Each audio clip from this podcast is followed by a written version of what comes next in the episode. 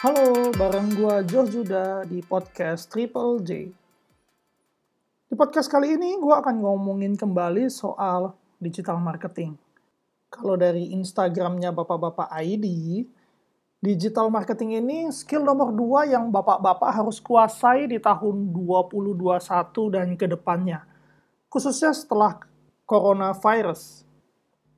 Harus kita akui bahwa COVID ini atau pandemi ini mempercepat orang untuk melek terhadap digital. Mau atau tidak mau saat ini semua orang harus paham mengenai digital. Bahkan bisa dibilang begini, saat ini yang namanya marketing yang nggak lepas dari digital marketing. Udah nggak ada lagi sebenarnya yang namanya konvensional marketing. Yes, billboard, TVC, iklan di koran memang masih ada namun isinya apa? Minta kita download aplikasi, atau mungkin promo di e-commerce, dan sebagainya. Balik-balik lagi kan ke digital. Ini istilahnya offline to online to offline lagi, atau sebaliknya. Nah, walaupun digital marketing ini udah banal, atau udah biasa banget, sesuatu yang menjadi rutinitas, bahkan keseharian kita, namun masih banyak loh yang belum paham sepenuhnya apa itu digital marketing. Ini terbukti dari workshop-workshop gua, atau dari klien-klien gua sendiri, atau bahkan di antara agensi marketing yang berjamuran saat ini. Masih banyak yang berpikir bahwa digital marketing itu promosi atau berjualan di sosial media. Pada satu waktu, dalam sebuah workshop dengan judul digital marketing, MC-nya bahkan uh, bilang, nah ini ada pakarnya nih, kebetulan kita bisa tanya bagaimana sih cara kita berjualan di sosial media. Atau mungkin ini pertanyaan yang paling sering uh, kita dengarkan, bagaimana sih brand kita bisa viral di sosial media? Bagaimana sih naikkan followers dengan cepat? Biar apa sih kita punya banyak followers? Biar barang kita cepat untuk dikenal. Di kesempatan kali ini, gue akan pakai untuk meluruskan kesalahpahaman mengenai digital marketing. Bahwa digital marketing itu nggak cuma ada sosial media saja. Bahkan sosial media itu bisa dibilang hanya menempati 10 sampai 20 persen dari kegiatan digital marketing. Mari kita mulai. Yang pertama, berjualan di sosial media itu bukan tindakan digital marketing. Itu adalah kegiatan sosial selling. Karena kita menggunakan media sosial, namanya saja media sosial ya. Artinya kan itu tempat atau media untuk bersosialisasi. Namun tempat tersebut kita pakai untuk berjualan. Ini sama saja seperti kita berjualan barang atau produk yang kita miliki di lingkungan kantor, atau di lingkungan tetangga kita, atau ketika arisan keluarga. Berjualan dalam lingkungan sosial kita bukan kegiatan marketing tentunya. Kita kan nggak bisa bilang itu adalah kegiatan marketing. Namun, ketika lu ada di tengah lingkungan sosial tersebut, lu bercerita mengenai produk yang lu gunakan, pengalaman lu terhadap produk tersebut, lalu lu sempatkan untuk mendengarkan keluh kesah orang terhadap produk sejenis, bahkan memberikan mereka sampel produk. Itu baru bisa disebut kegiatan marketing.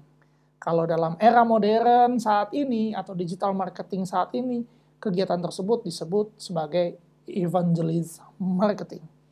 It's itu kalau lu datang sebagai individu. Bagaimana kalau lu datang sebagai pemilik brand? Udah pasti nggak mungkin. Bayangkan begini, lu datang dalam sebuah arisan keluarga, atau lu datang dalam di tengah-tengah tetangga lu, lu gunakan seragam brand yang lu wakili atau perusahaan lu. Tentu dengan seragam tersebut orang akan melihat bahwa lu mewakili institusi tersebut. Oke? Okay? Dan ketika lu mulai berjualan atau menawarkan, mereka tidak melihat lu sebagai individu, tapi mereka melihat lu sebagai brand. Sudah pasti kita bisa bayangkan penolakan apa yang bisa terjadi di sini.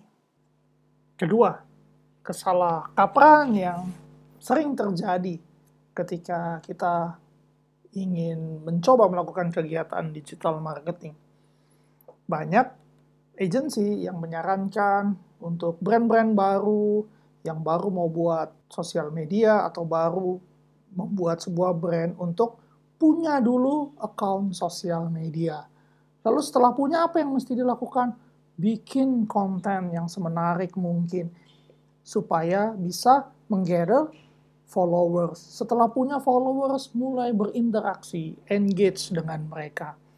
Nah, ini kebayang nih buat pemilik brand yang yang udah susah payah, eh, bikin produk, research, mereka harus lagi memikirkan mengenai konten di sosial media. Maka nomor dua yang gue mau bilang buat para pemilik brand yang baru punya merek, baru punya brand, mau bikin akun sosial media, bahwa tujuan Anda kan sebenarnya adalah ingin melakukan kegiatan marketing, bukan sebagai content provider.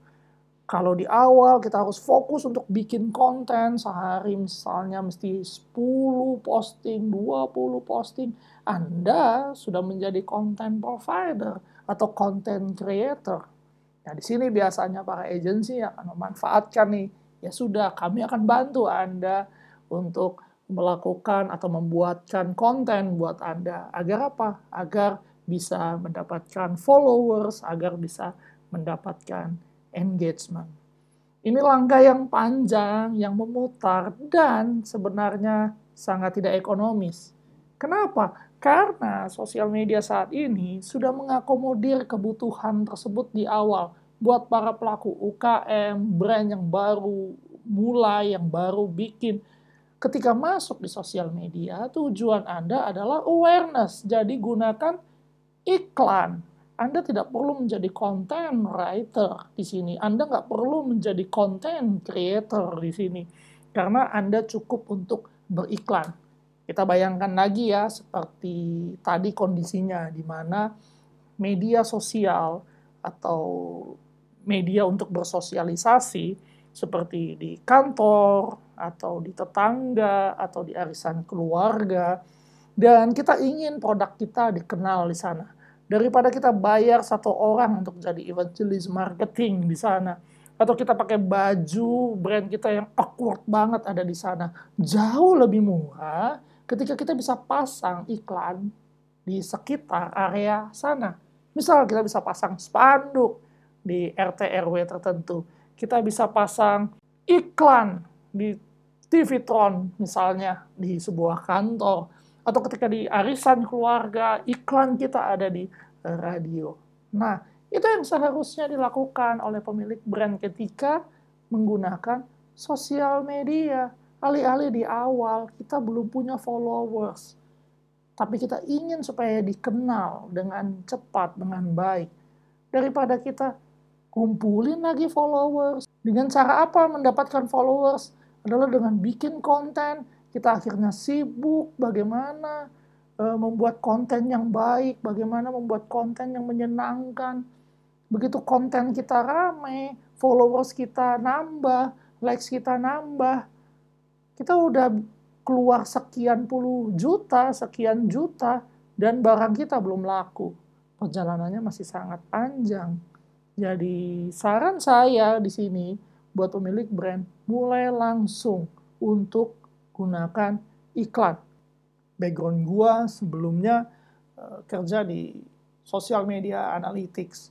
Di social media analytics dulu gua sangat menyarankan agar pemilik brand itu melakukan kegiatan marketing di sosial media secara organik, hindari untuk melakukan iklan dan segala macamnya. Namun sekarang dalam situasi kondisi seperti sekarang, gua dengan sangat confidence bilang pasang iklan. Iklan itu adalah langkah yang paling cepat, mudah, efektif, dan efisien untuk memperkenalkan eh, barang kita atau produk kita.